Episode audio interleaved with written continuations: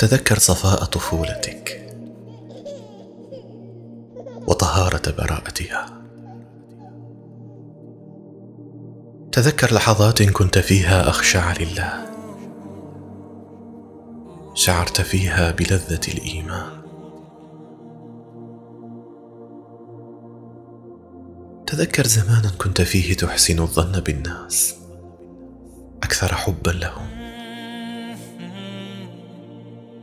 تذكر كل لحظة كنت فيها أطيب. كنت فيها أصدق.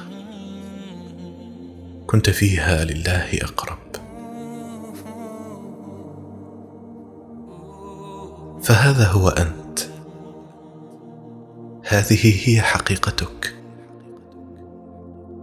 وما نزلت عن ذلك إلا بما اخترته أنت لنفسك. من ارتكاب خطيئة واجتراح سيئة. فعاجل بالرجوع.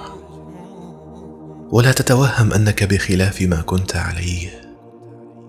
من صفاء النفس وطمأنينة الإيمان.